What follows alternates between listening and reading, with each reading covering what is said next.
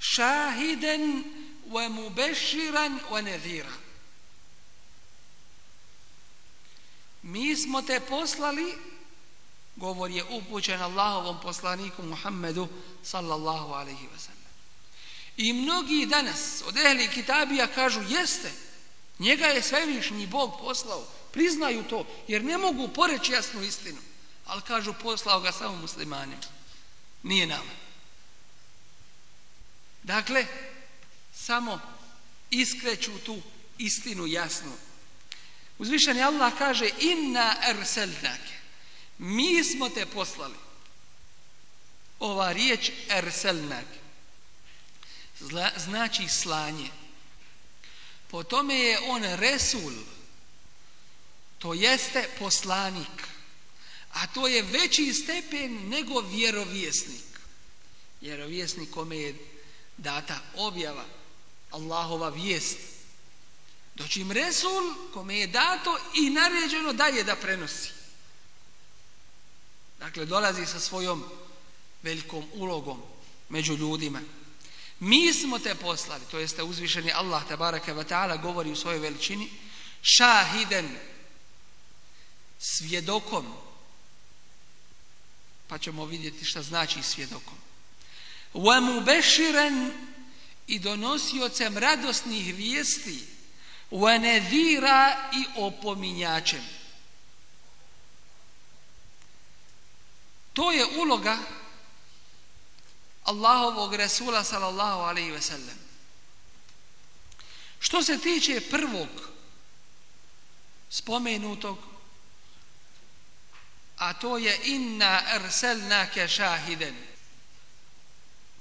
Mi smo te poslali svjedokom. Resul alihi salatu wasalam je svjedok među ljudima. Na ovom i na budućem svijetu. Na ovom svijetu on je svjedok Allahove jednoći. Onaj koji je došao sa tevhidom, to jeste šahadetom la ilaha illallah, da je Allah šanuhu taj koji jedini zaslužuje da mu se ibadet čini i niko drugi. Da se uzima kao božanstvo. Onaj zbog koga se živi i umiri. Onaj zbog koga se voli i mrzi. Onaj zbog koga smo došli na ovaj svijet da mu se pokoravamo da ga vjerujemo i da ga priznajemo i da mu se pokoravamo. Onaj koji je svjedokom na ovome svijetu u pogledu Allahovih propisa jer svjeći da su to zaista Allahovi propisi, da to nije izmišljena vjera, da to ljudi nisu prema svome nahođenju govorili i zato mu je uzvišeni Allah dao tolike mođize, tolike dokaze. I ova mođiza Resulullaha sallallahu alaihi ve sellem do dan danas je prisutna među nama i do sudnjega dana. Sve dok se Kur'an i znanje ne digne, pa među ljudima više ne ostane bilo kakvog znanja o Allahu Đelešanu. Kad više ne znaju ništa o Allahu, već će znati samo da kažu nešta su naši preci pričali, ima nešto, ali mi to ne znamo. I na takvi će doći sudnji dan. Nad njima će se ostvariti ta velika propast, a to je smak svijeta kako A na budućem svijetu Resulullah sallallahu alaihi sellem je isto tako kejfe iza dži'na min kulli ummetin bi šehid? Pa kako kad mi dovedemo iz svakog naroda po jednog svjedoka. وَجِئْنَا bike عَلَى i šehida.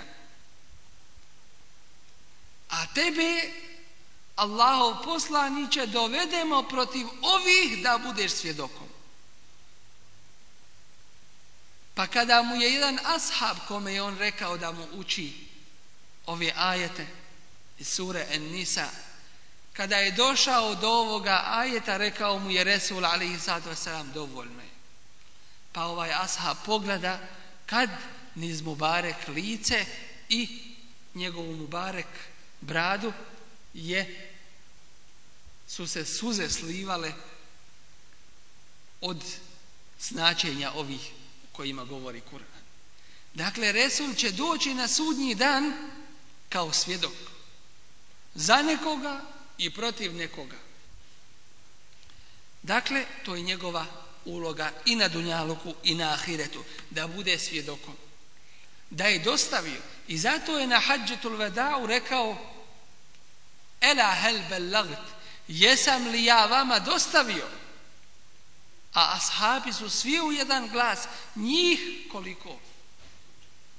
Koliko? Ili je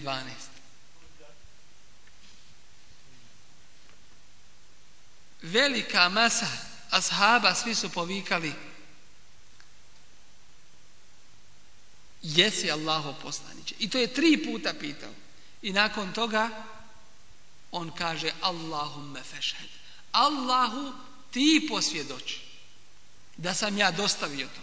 I evo nauka Allahovog Rasula alaihi wasalam, dolazi do ljudi.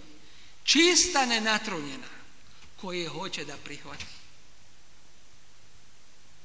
I to je drugi dio ili jedno od značenja drugog dijela šahadeta Muhammedu Rasulullah. Jer se muslima ne može biti samo sa la ilaha illallah. Potrebno je i Muhammedu Rasulullah. Koliko ih ima koji kažu la ilaha illallah, ali neće da prizna Muhammedu Rasulullah. Wa mahum bi mu'mini. Nisu takvi muslimani. Nisu to muslimani. Ovo je jedno od značenja drugog dijela šahadeta Muhammedu Resula. Da ga zaista prihvataš i priznaješ kao Allahovog Resula, ali moramo biti svjesni da to kod Allaha nije na formalnoj osnovi. Kao kod ljudi.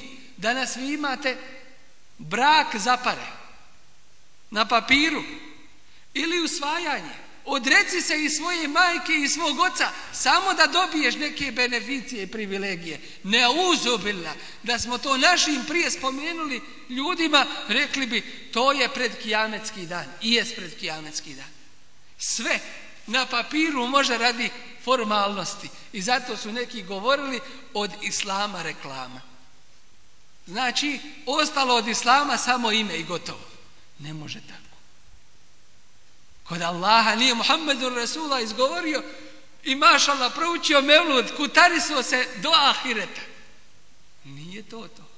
Taka nije uputa Resulullaha ali i Nego da poznaješ njegov život i propise sa kojima je došao i da radiš po tome. Nesumnjivo. Nije lako. Nije jednostavno. Ali Allah uzvišeni omili onome ko to traži. Jer šta je kome drago tomu Allah i i učini lakim, pa zar ne kaže wa leke biretu za sam namaz, on je težak. Istina vallah. To je činjenica. Illa alal haše. Osim bogobojazni. Dakle, njima nije teško. U osnovi, kad uzmeš te termine i sve obaveze, nije jednostavno i lako. Ali, hajde ti kao musliman, kao mumin, ostavi jedan namaz da ti se da nešto para. Ne ima toga. Nema tih para. Jer si svjestan da taj namaz kad bi klanjao ne znam koliko godina ne možeš naklanjati. Namaz koji je namjerno propušten. Drugo, ako je slučajno i zaborava ili prespavao si ga, to je druga situacija. Ali namjerno propušten, kao i post, to, ne može se to nikada nadomjestiti vrijednost toga i Dakle, poslat je kao šahid, kao svjedok među svojim ummetom. A on će biti svjedokom i poslanicima prije njega. Tako da će Nuh a.s. biti upitan od Allaha Đelešanu jesi li dostavio? A on će reći jesam Allah. A njegov narod će reći nisi. Hoće kad vide pred sobom džehennem svog oca i majku odreće ih se, a da neće Nuha alaihissalam. I onda će mu Resulullah Muhammed sallallahu alaihi ve sellem posvjedočiti tu istinu. Premda je među njima toliko stoljeća bilo, ali on svjedoči ono što mu je Allah rekao i svjedoči ovu istinu koja mu je objavljena, u što nema nimalo sumnje. Šahiden kao svjedoka. I drugo nešto, vrlo važno da ne zaboravimo. A to je učeni i ulema u ovome ummetu su nasljednici Allahovih vjerovjesnika. Kao što su bili mnogobrojni vjerovjesnici u Benu Israilu, tako u ovome ummetu ima onih na kojima se održava s Allahovom pomoći vjera, koji je tumače izvornu onakvu kakva ona jeste. I oni će bili, biti svjedoci tim narodima svjedoci njima ili protiv njih da je istina uspostavljena. I zato uzvišeni Allah ne šalje kaznu dok ljudi ne saznaju istinu. Ali kad saznaju istinu pa je nehtjedno primiti pa se uzohole znajući šta valja, a šta ne valja, šta se smije, a šta ne smije, onda se bojati Allahovoj kazni koja može nije prije znao, nije ga naučio niko. Niti su mu roditelji znali niti je imao koga u Mektebu da ga uči i takva situacija bila recimo. A Allah najbolje zna šta je sada. Ko sad ne da, ko sad spriječava da se širi, ko sad neće da nauči ili zna a neće da po tome radi. Inna arsalnake šahiden. وَمُبَشِّرًا i donosiocem radosnih vijesti. Kome? Mu'minima. Mu'mine obveseljava i mu'min treba da se nada Allahovoj milosti i treba da očekuje Allahovu nagradu. وَنَذِيرًا i opominjačem tešku kaznu i džehennemsku vatru. Kome? Nevjernicima. Spominje se u Musnedu imami Ahmeda od Ata ibn Jesara da je rekao sreo sam Abdullaha ibn Amra ibn al-Asa radijallahu anhuma i rekao izvijesti me o opisu Božijeg poslanika sallallahu alaihi ve sellem u Tevratu. Pa mi je rekao, tako mi Allaha opisan je u Tevratu nekim od svojstava iz Kur'ana. Pa onda kasnije kaže, o vjerovjesniče, mi smo te poslali kao svjedoka i donosioca radosnih vijesti i kao poslanika koji opominje. Dakle, spominje da se ovaj opis Resulullah a.s. da je spomenut u te vratu kao sigurnost nepismenima, ljudima koji nisu znali čitati ni pisati. Sigurnost, bezbjednost koji ćeš im dati.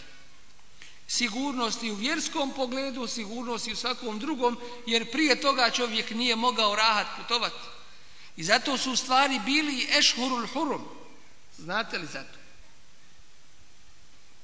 Ešhurul hurum su bili sveti mjeseci i njih je bilo četiri u kojima je zabranjeno bilo ratovati i bilo koga napadati.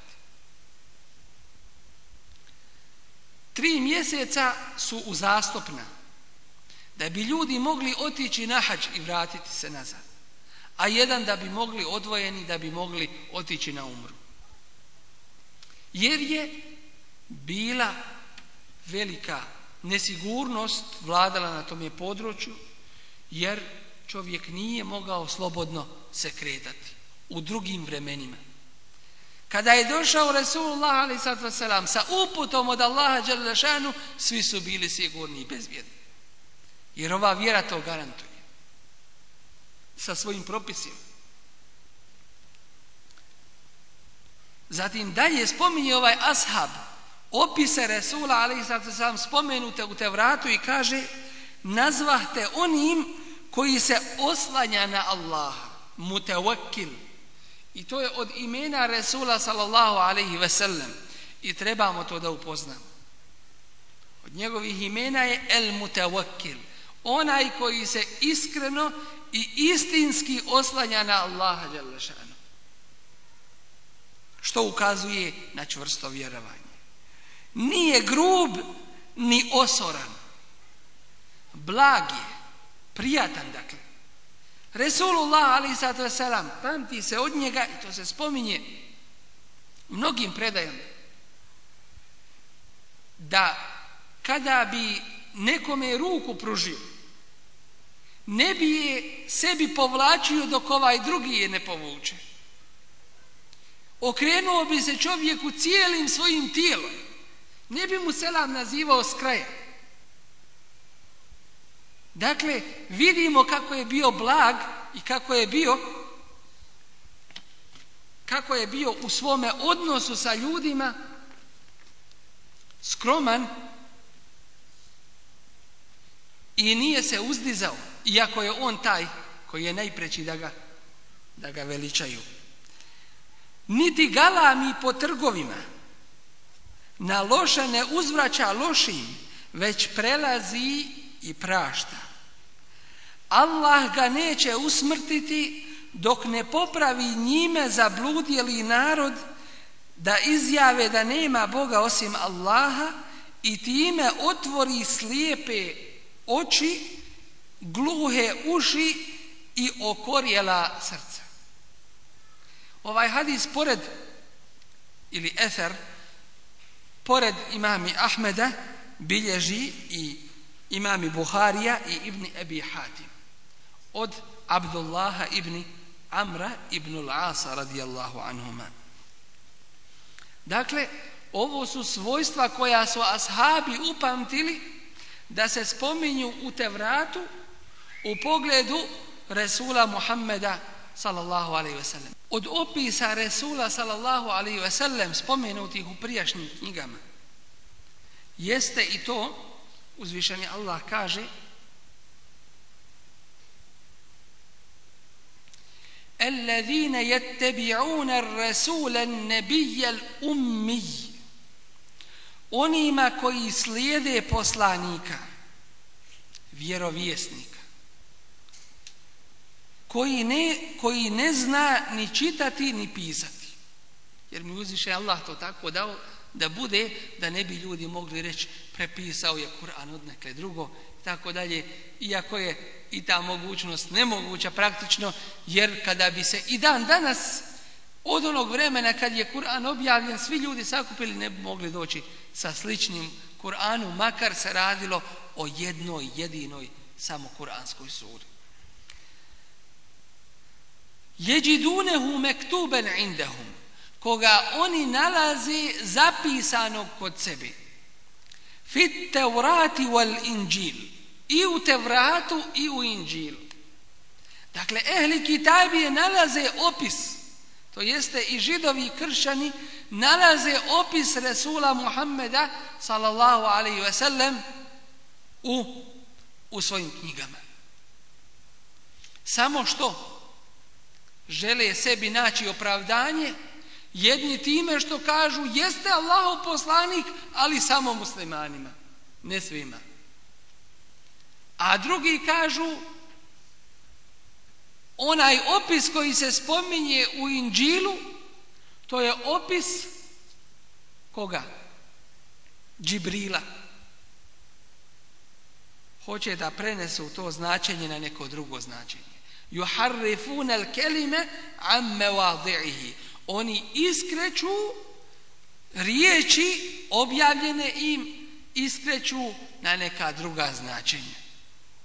Iako se zna da je Isa Selam bio pomognut Džibrilom, Ruhul Kudus, svetim duhom. Kur'an ga tako naziva. Pa kako je moguće da kada kaže Isa Selam, ali doće vam poslije mene neko tko je bolji od mene i neko ovo i neko ono da oni to tumače i kažu doće nam Ruhul Kudus. Kad je on bio u vrijeme Isa salam. Dakle, odnosi se taj opis na Muhammeda sallallahu alaihi wasallam, a i ta riječ danas u izvornom jeziku Inđila, bar kako se spominje, to je u stvari značenje riječi Ahmed, što znači hvaljeni i slavljeni doće vam takav koji se zove tako i tako. Ahmeda to je od imena Muhammeda sallallahu alaihi ve sellem. Jer Isa alaihi selam je nagovijestio njegov dolazak i rekao jeti mim ba'di ismuhu Ahmed. Doći će vam poslije mene, Isme, ime mu je Ahmed. U njihovom jeziku, bar klit kako se spominje, a to znači hvaljeni, onaj koga će ljudi priznavati i onaj koga će ljudi veličati. Dakle, ti opisi njegovi spomenuti su i u Tevratu i u Inđilu. Zašto ovo danas spominjemo mi muslimani i sami sebi? Prvo, da znamo mi vrijednost ovoga i ove blagodati i da ovo olako ne shvatamo i olako do njega ne držimo. Da ne bude kao što je kod nekih sunnet Znači ne mora se, ostavi. Ili sunnet, nemoj to danas je 21. vijek, sad moderno doba, kako ćeš to raditi? Ili imaju neki tamo jel u 12. ili u kojim su, imaju tamo nešto spominju sunnet, ko da je to tamo nekoga, nečije, nevažno, nije bitno, ne uzom. Dakle, da mi shvatimo važnost i vrijednost ovoga i da je to jedan dio šehadeta bez koga se musliman ne može biti. I drugo, da se mi za drugima ne povodimo. Njima je spomenuta ova blagodat i u Tevratu i Inđilu. A oni su to ne samo da nisu htjeli prijevati, nego su i iskrivili. Misle Allaha prevariti. i ne mogu, sami sebe varaju pa da ne gledamo u takvima veličinu i da se u njih i na njih ne ugledamo. smo pa kod pukla da pukla.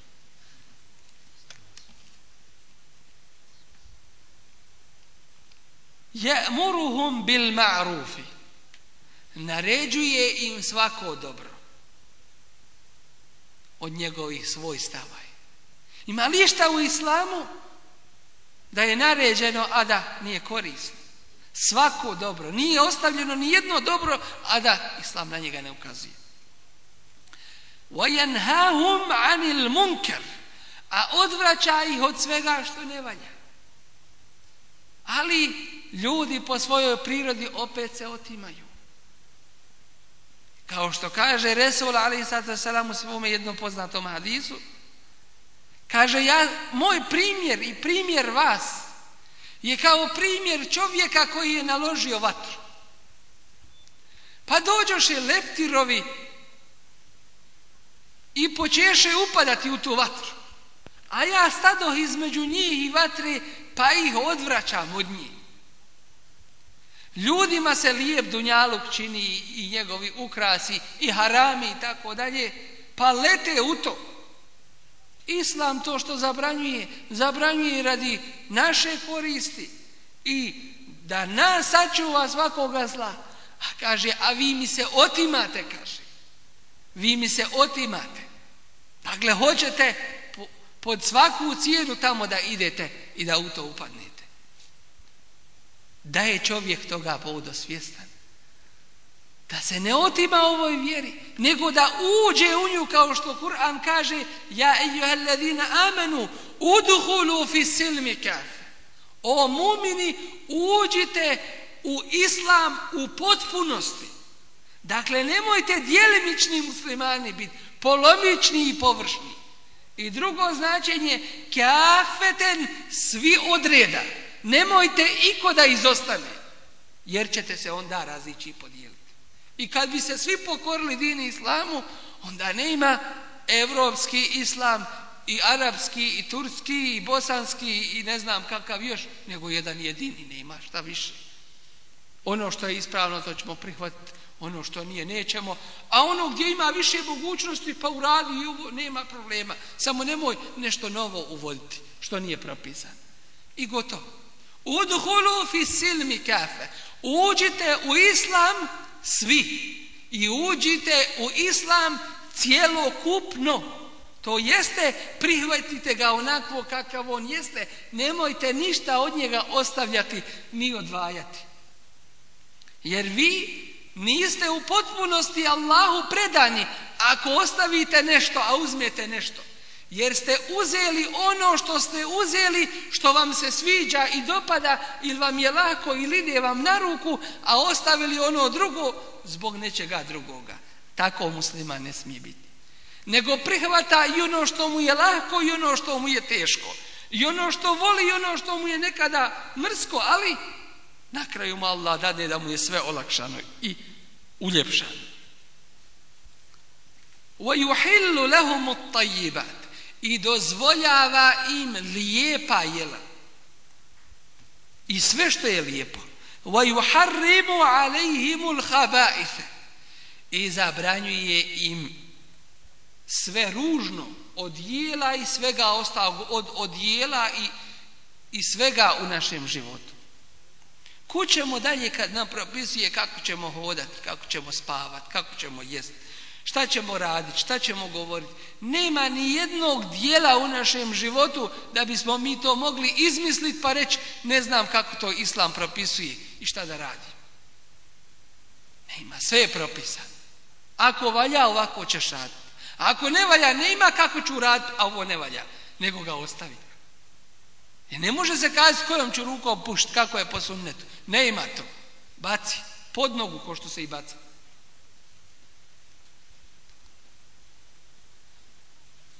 wal agla allati kanat alejhim i riješit će ih وَيَضَعُ anhum israhum, koji će ih tereta wal agla allati kanat alejhim i teškoća koje su oni imali osloboditi. Dakle, to je opis Resula sallallahu alaihi sallam. koga nalaze u svojim knjigama, u Tevratu i u Inđilu. Zašto nam se ovdje to govori? Upravo iz ovoga vidimo Allahovu te wa taala milost. A to je nakon što je obveselio svoga Resula sallallahu alaihi wa džennetom i uspjehom i na dunjalu koji na ahiretu i obveselio njegov umet njegove sljedbenike džennetom i zaprijetio munaficima i i za toga opisuje svojstva ili spominje svojstva svoga Resula spomenuta u Tevratu i Inđilu. Drugim riječima to znači poziva jehli kitablje i sve druge. Vidite, uvjerite se da je ovo istina pa i vi to prihvatite i u ovo uđite pa se spasite jer ovo je Allahova blagodat njegov rahmet. Ovaj poziv dužnost je da se proširi među ljudima. Koga znaš od muslimana prenesimo. Koga znaš od nemuslimana isto tako prenesimo. Jer ne znaš kome ti možeš biti sa Allahovom pomoći sebepom da prihvati Allahovu vjeru. Ovo je opis Resula sallallahu alaihi ve sellem u knjigama prijašnjih poslanika koji su svojim narodima nagovijestili njegovo poslanstvo i naredili im da ga slijede. Njegov opis se i dan danas nalazi u njihovim knjigama. I to poznaju njihovi učenjaci i svećenici. Samo što se to krije od ljudi.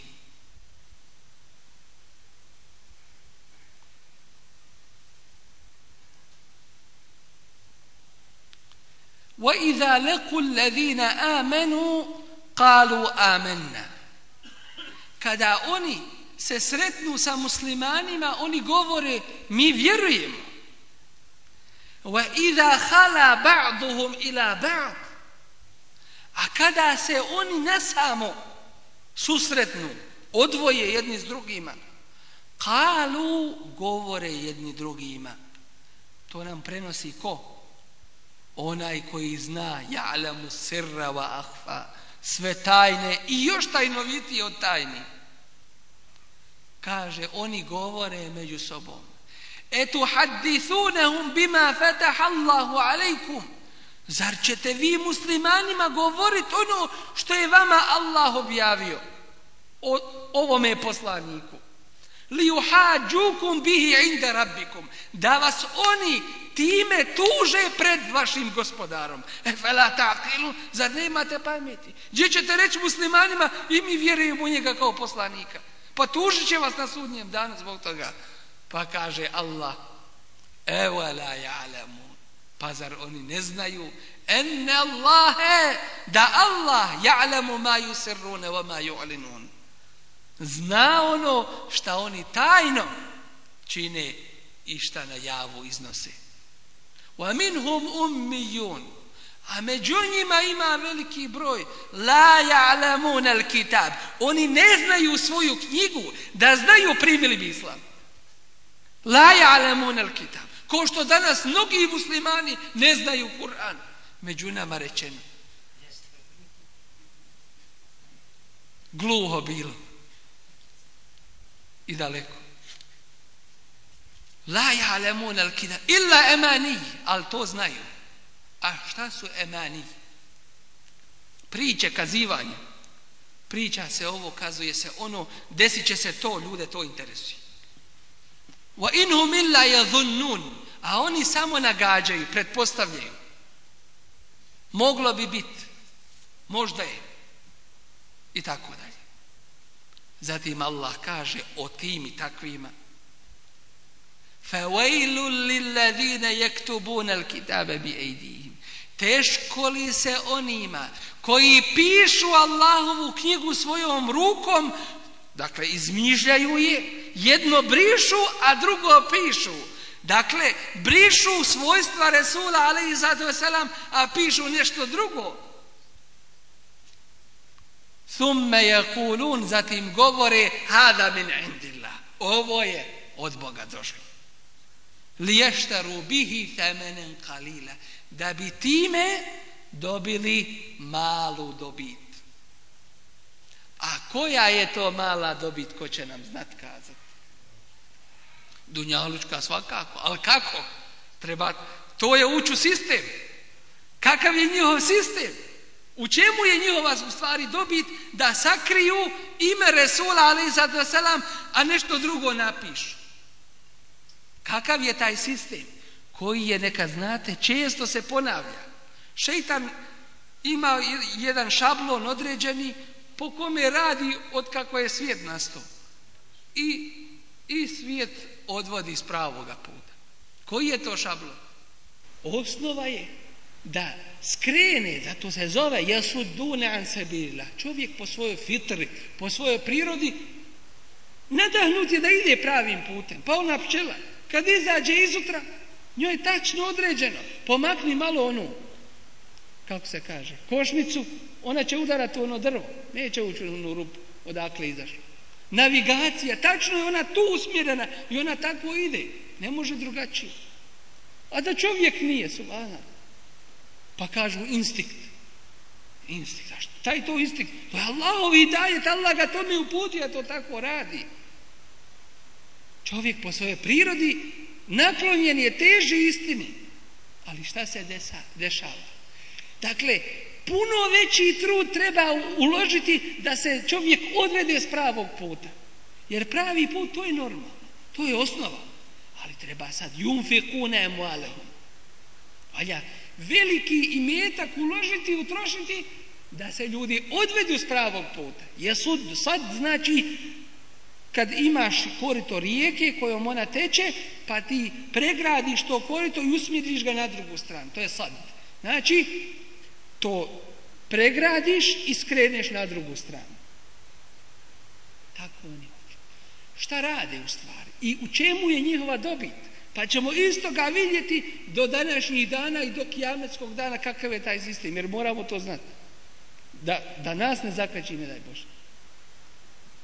Džaba pare što odoše nego din. O čemu se radi? Oni ne daju da se ljudi pokore Allahu, da budu Allahovi robovi. Nego hoće da ljudi budu njihovi robavi. Drugim riječima, ne da slušaju Allaha što im Allah govori, Allah nema interesa, Allah nije nikome mutač. Allahu samen. Allah je taj kome se sve obraća. Sve njemu mutač, on nije nikome. I Allah propisao propise ljudima za dobro i na dunjalku i na ahiretu. Doći im ovi sitno šičarđije. Šta hoće? Hoće sad ljude sebi da dobiju da imaju svojih robova, ali više ono prvo ne pali Ko što je bilo prije u Americi pa i sad crnci tuže, ali neće da ih priznaju. Nego šta se radi? Sad jedan drugi, neo, novi jedan oblik kolonijalizacije ljudskih umova ili naroda ili čega god hoćete. Robovanja ljudima. I zato sahabi su dobro bili toga svjesni. Šta ovi radi? Kažu, mi vam tumači, mi smo vam posrednici između Boga i vas. Ono što mi kažemo, to je Bog rekao. To tako treba da, da vi slušate. I onda im natovare, evo ovo je taj što spominje kuranski ajter. jer Kur'an je precizan, to je istorija, to vam je geografija, to je nauka, a prije svega hidajet pravi put i uputa. وَيَضَعُ عَنْهُمْ إِسْرَهُمْ Da s njih bat, zbaci terete i teškoće koje su na sebi nosili, koje su im natovarili njihovi sveštenici i oni koji su ih vodili samo krivim putem. Plati za ovo, plati za ono. Imaš trošak ova, ima i cijela vjera isprada kao jedan dućan. I sve se kupuje vjerom. Radi na dunjalku šta hoće, samo dobro plati i ti si slobodan. Takvo, nažalost, shvatanje ima i među muslimanima. Ako ne vjerujete, pitajte druge kad je ko umre, nažalost, šta se sve radi. Pa ljudi shvataju, ne treba ništa raditi na dunjalu. Zapravo radi šta god hoćeš, samo po svom. A kad umreš, plati dobro i sve si ti postigu. Da se to radi i kod drugih, pa nek rade anamoni. Kako radio, tako će mu i biti. Ali što se to i kod nas, nažalost, među nama rečeno muslimana počelo širiti. I proširilo u velikoj mjeri. Turbe ovoga, turbe onoga. Plati ovdje, ova je za zdravlje, a ona je za socijalnu pomoć. A ona je za ovo, a ona je za ono. Pa gdje je Allah ne uzobila? Znači i mrtvi rade. Pa ne treba nam onda ništa. Postavit ćemo i za ministre, za predsjednike, pa nek mrtvi rješavaju naše probleme. Tako je kad se vjera, a uz vjeru i pamet ostavi na stranu, pa se onda sluša sve i svako. Dakle, tu je njihov interes.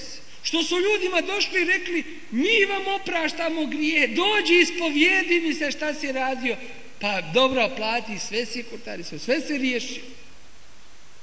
Plati članarinu, ti si najbolji. A to što ga nema nikad, ili jednom godišnje ili dva pot, to je drugo. Ne smije se tako raditi. To je to. Dakle, skretanje sa pravoga puta. Umjesto da pozivaju u Allahovu vjeru i pokornost Allahu i njegovom Resulu, pozivaju pokorno sebi. Drugim riječima kao što je Firaun, Faraon rekao ma urikum illa ma Samo je pravo ono što ja kažem, što ja vidim. Ako nisi kao ja, ti si drugačiji. Razjedinjuješ nas. Praviš nam smutnju. A to što si ti istinu rekao, to, to po strani. Nije vrijeme za istine. I zato kažu, lijepa li vakta, ko obraza nema. Što? Jer možeš onda raditi šta hoćeš, onda nemoj pravo govoriti. E to nije kod muslimana i ne smije biti tako. Prenosi nam imam Ahmed, da ne bismo zašli u priču. Navodi od Ebu Sahra, El Uqailija. Kaže, pričao mi je jedan beduin, jednom sam za života Allahovog poslanika, sallallahu alaihi sellem, dotjerao u Medinu jednu devu muzaru. I kada sam je prodao rekao sigurno ću pokušati sresti tog čovjeka i čuti nešto od njega. Iskoristio priliku da dobije nešto dunjalučko, pa eto ima jedan što se zove, što sebe zove poslanikom, pa da vidi i to kad sam već došao u Medinu. Nisam masos. Zatim sam naišao na njega Išao je sa Ebu Bekrom i, i Omerom. To je njegovo društvo bilo. I u mnogima hadisima se spominje.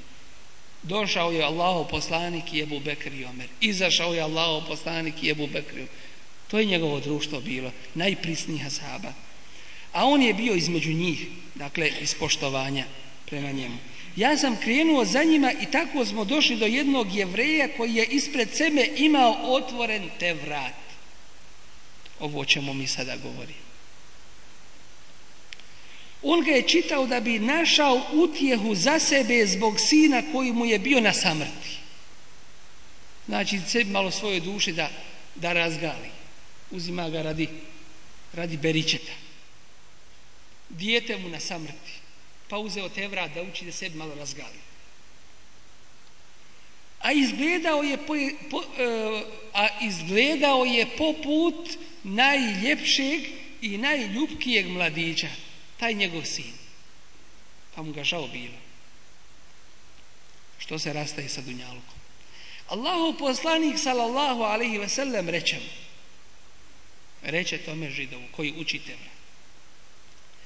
Zaklinjem te onim koji je objavio te vrat. A to je zakletva koju koju ne može odbaciti. Da li si u toj svojoj knjizi našao moju pojavu i opis? Zaklinje ga. Ako vjeruješ u tu knjigu, zaklinjem te onim koji ju je objavio da mi kažeš da li u toj svojoj knjizi nalaziš moju pojavu da se ja pojaviti i da li nalaziš moj opis.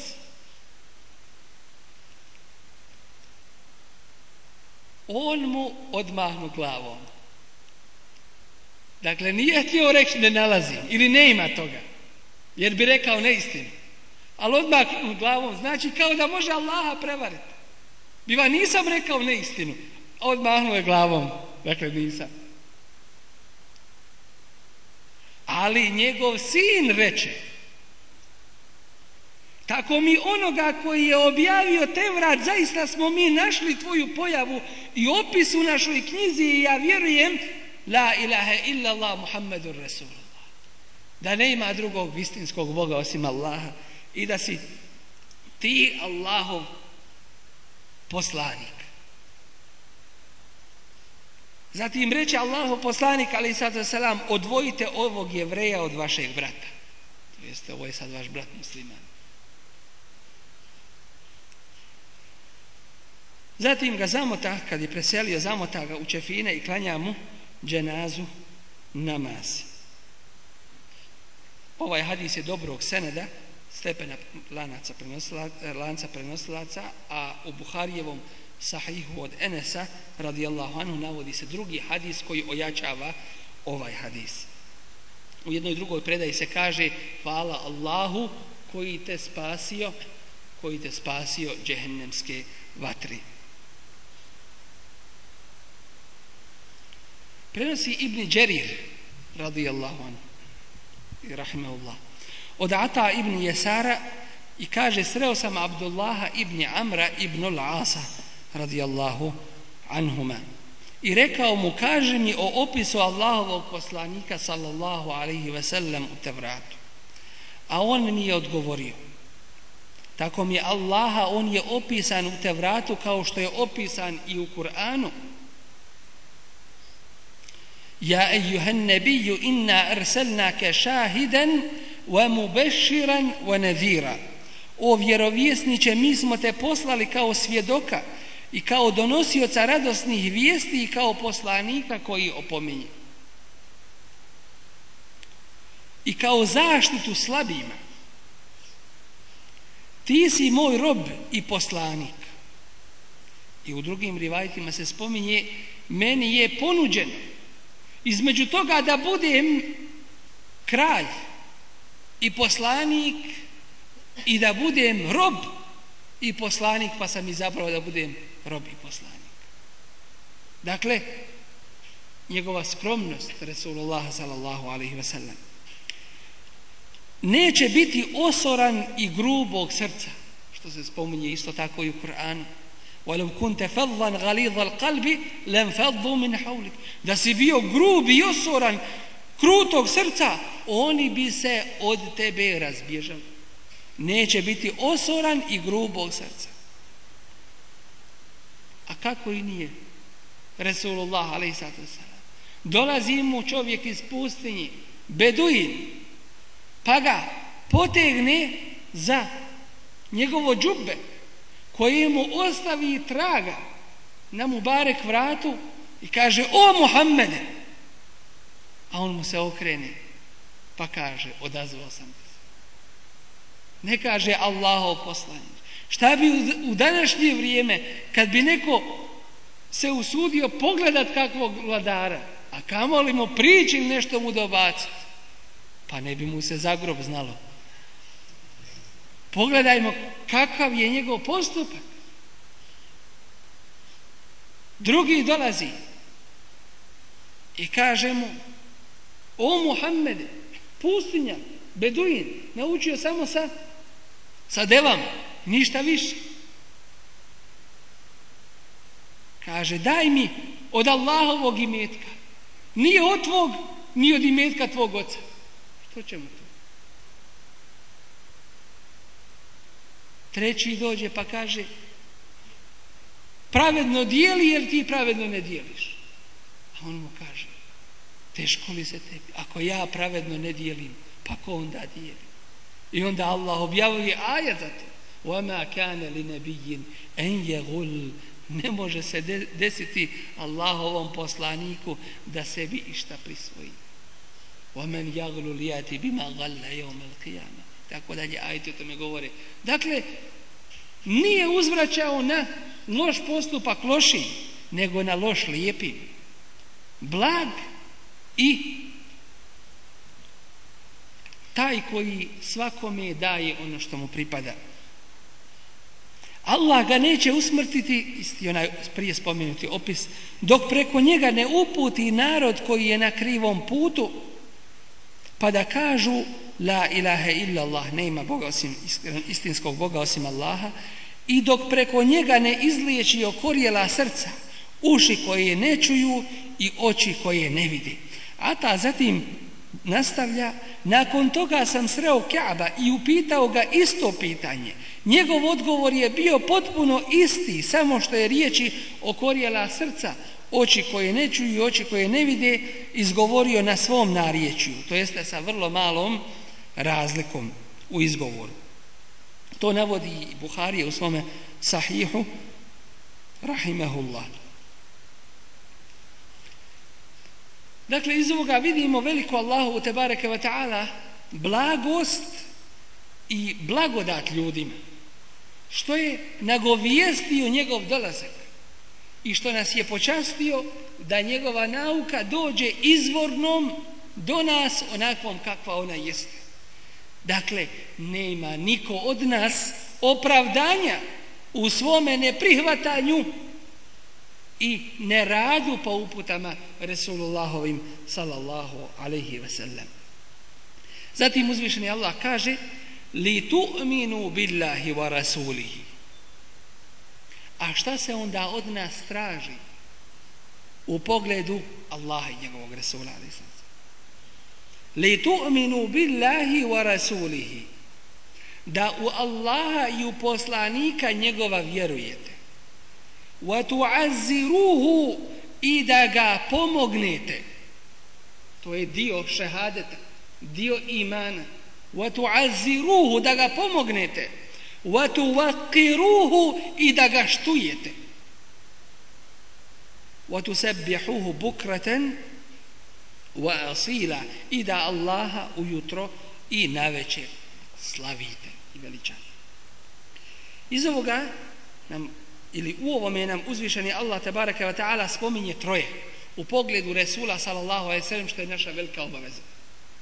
Prvo jeste li tu'minu billahi wa rasulihi da vjerujete Allaha i njegovog Resula. Pa je vjerovanje u Rasula alaihi salatu wasalam stavio uz vjerovanje u Allaha tabaraka Što znači ko istinski ne vjeruje u Muhammeda sallallahu alaihi wasalam ne vjeruje ni u Allaha. Jer uzvišan je Allah ga je poslao i uzvišan je Allah nas je o tome njegovom slanu, slanju obavijestio. Iman u pogledu njega znači vjerovanje u njegov risalet u to da ga je je Allah poslao sa svojom poslanicom, sa uputom, sa Kur'anom i propisima ove vjere, da vjerujemo u sve ono što je došlo od Allaha tabaraka wa ta'ala u pogledu njegovog Resula Muhammeda sallallahu alaihi sallam i da vjerujemo u njega to jeste u sve ono što je on isto tako rekao. Kada čujemo za hadis Resula sallallahu alaihi sellem, dužnost nam je u to vjerovati i dužnost nam je to prihvatati. Jer vjerovanje nije samo na jeziku, nego i u srcu i u, i u našim dijelima. To je vjerovanje. Dakle, da vjerujemo u njegov risalet, u njegovo poslanstvo i u ono što je on došao i da to prihvatamo. To je prvi uslov. Drugi uslov aziruhu i da ga potpomognemo. Kako ćemo potpomoći Resula sallallahu alaihi sellem nakon njegovog preseljenja na ahiret? Potpomoćemo njegov sunnet, njegovu uputu sa kojom je došao. Da stajemo uz to. Kad znamo i čujemo da se govori o sunnetu Resula sallallahu alaihi sellem, da ustanemo u odbranu toga, da širimo to, a isto tako ne može se odvojiti onaj ko prihvata i pridržava se sunneta Rasula sallallahu alaihi sellem od toga sunneta. Što znači kada čujemo da biva kritikovan neko radi primjene te sunneta, dužnost nam je i obaveza da ga podržimo, makar se svakome drugome zamjerili. I to je značenje njegovog potpomaganja. Potpomaganje njegovog sunneta, odbrana njegovog sunneta, širenje njegovog sunneta, rad po njegovom sunnetu dalje. Sunnetu u širem smislu i značenju te riječi, to jeste njegove prakse i svega što je radio u svome životu. I treći uslov, da ga poštujete da ga poštujete. Kako se poštivanje prema Resulu sallallahu alaihi sellem kako se i u čemu se ogleda? U prvom redu ogleda se u tome što poštujemo nauku sa kojom je on došao. Imam i Buharija, rahimahullah, koji je zaslužio da ga cijeli ummet, spominje po dobru. Znate li šta bi radio? U pogledu sunnata Resula sallallahu alaihi ve Ko zna od vas? Za svaki hadis koji bi napisao, uzeo bi se okupao i klanjao dva rekata i onda bi zapisao taj hadis Resulullah sallallahu alaihi wasallam. Znate li šta je radio Ebu Derda? Znate li da je otišao jedan od ashaba iz Medine u Damask, Mahsus, i ponovo se vratio u Medinu da bi čuo jedan hadis Resulullaha sallallahu alaihi wasallam. Zar to nije poštivanje Resula alaihi salatu wasallam? Uz poštivanje onoga što je on govorio. Imam i Šafija nikada nije okrenuo svoje noge prema kući imam Ahmeda zbog toga što je od njega čuo neke hadise Resulullaha sallallahu alaihi ve sellem. Jer znate da imam i Malik nikada u Medini nije išao u obući. Uvijek bos. Nije htio da ide po tome mjestu gdje je išao Resulullah sallallahu alaihi ve sellem u obući. I koliko i koliko je tih i takvih primjera poštivanja Resula sallallahu alaihi ve sellem koje su pokazale te najbolje generacije ovoga ummeta. Kako se poštivao Resul alaihi Pa pogledajmo je Bubekra radijallahu anju Kad su hijđru činili, Čas ide ispred, čas poslije Resula ali Pa ga pita šta je to je Bekr? A on kaže kad se pomislim, kad pomislim da može kakva zasjeda biti, ja odem ispred tebe. Da tebe šta? Ružno ne zadesi. A kad se sjetim potjere za nama, onda idem pozada da, da do tebe ne dođu. Znate li koliko ih je izginulo pred Resulom sallallahu alaihi sellem na Uhudu, štiteći ga svojim tijelima, oni ginu jedan za drugim, a da ostaje Resul alaihi salatu Znate li da dolazi žena nakon bitke na Uhudu koji je brat i muž poginuli, pa pita šta je sa Resulom alaihi salatu I neću se smiriti dok ga ne vidim da se uvjerim da je on živ i da mu se ništa loše nije desilo. Pogledajmo tih primjera požrtvovanja, prvo imana, zatim požrtvovanja u odbranu sunneta Resula i samog Resula sallallahu alaihi wasallam i treće u pogledu njegovog poštivanja.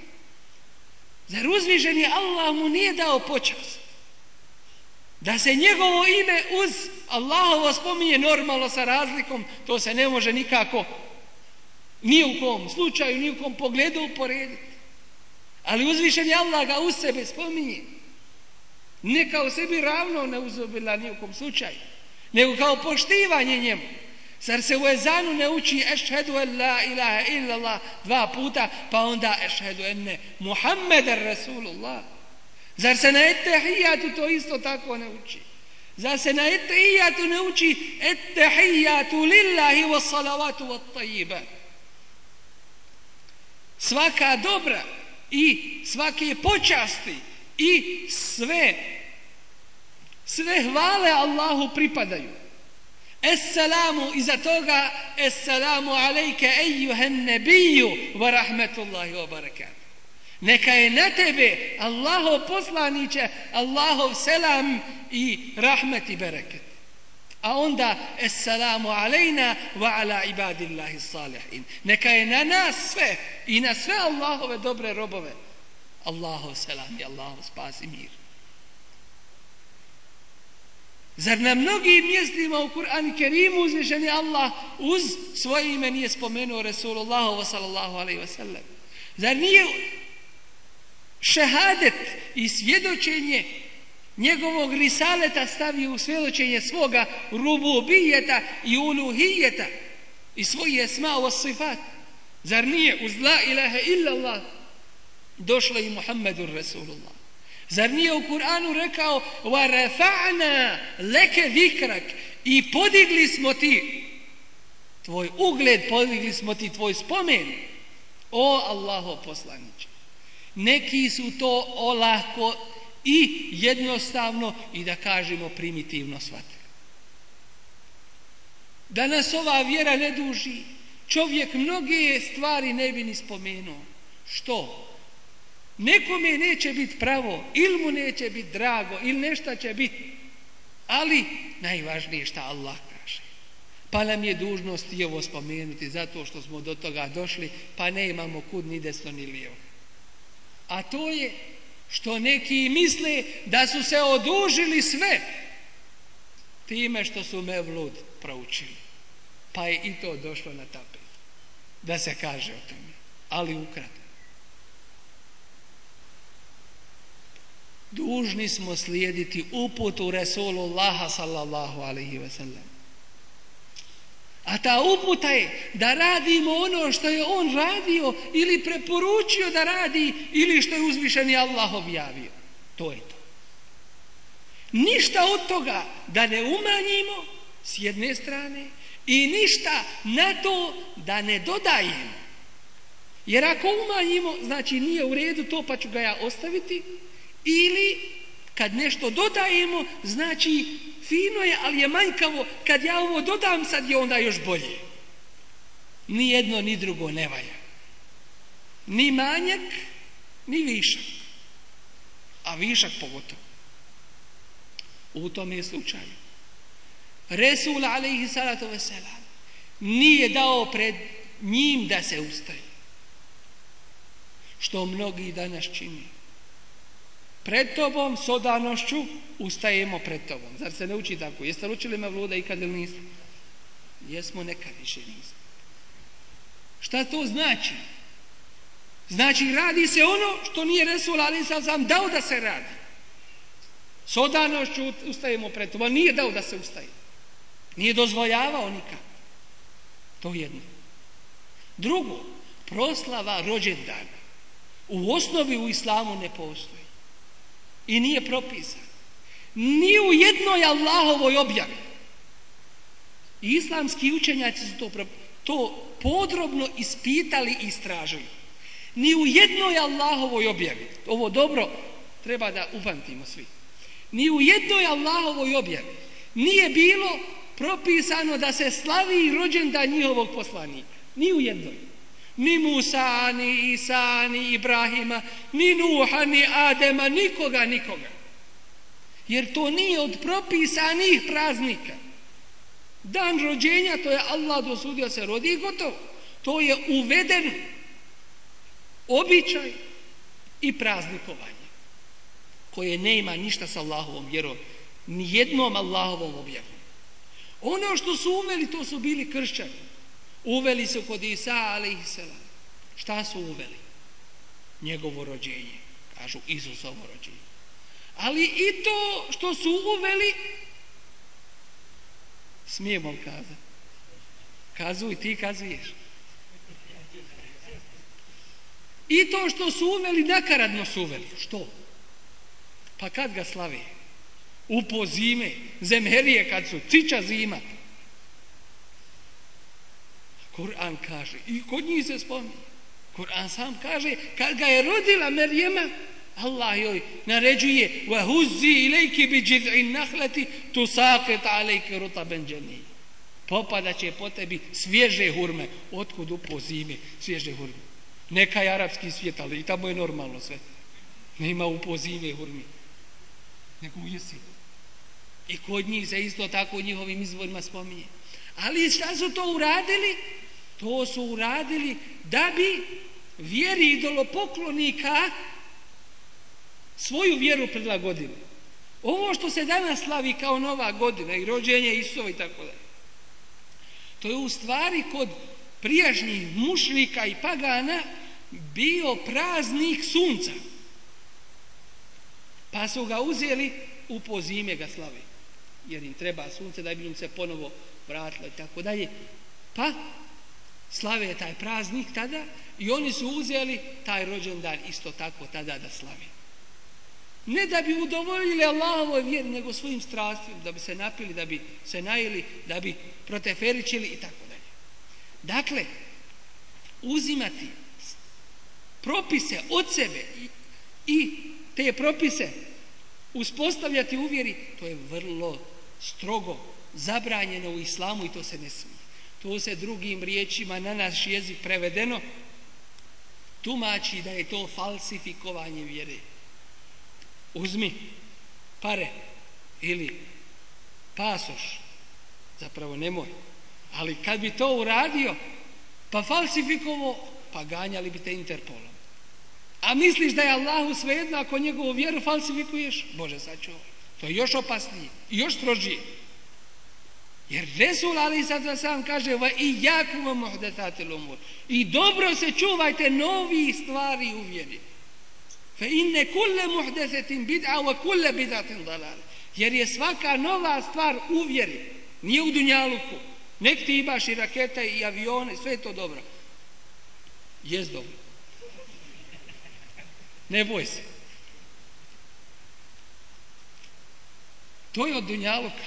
Ali od vjere, nove stvari uvjeri. ne. Ti možeš u Dunjaluku novo saznavati, istraživati, otkrivati tako da i to je pohvalno. Doći mu vjeri. Šta ćeš ti novo otkrivati? Nema novog vahja, nema novog poslanika, nema nove objave. Šta se od tebe traži? Da slijediš, da slušaš i gotovo. A ne da izmišljaš novo. Pa kaže svaka nova stvar uvjeri. to je novotarija, to je bidat, a svaki bidat je dalalet. Znači krivi put. I to nije dovoljno da čovjek kaže ja hoću lijepo. Jedno je htjeti, a drugo je raditi. Dakle, treba taj nijet da bude u skladu sa propisima. Nije propis i ne smije se slaviti rođen dan bilo kojeg Allahovog poslanika, bilo Resula Muhammeda s.a.v. ili bilo kojeg drugog Allahovog poslanika. To nije od propisa vjerite to je pokuđeno. I time se ne pokazuje ljubav niti iman niti pomaganje, niti veličanje Resula sallallahu alaihi ve I ljudi nisu kod toga stali. Već su počeli sada i rođenje Hazreti Fatime i rođenje ovoga, pa rođenje djece, pa tetki, pa nana, pa deda, pa nemoj nekome čestitat, ljuti se. To tako ide. Pravo vjerovanje i potpomaganje i veličanje jeste u slijeđenju požrtvovanju za ono za što je on došao i zašto ga je uzvišeni Allah Đalešanu i čime ga je zadužio. To je pravo njegovo poštivanje. To je ono što se zasniva na Allahovoj knjizi, Kur'an i Kerimu i na sunnetu Rasula sallallahu alaihi sallam.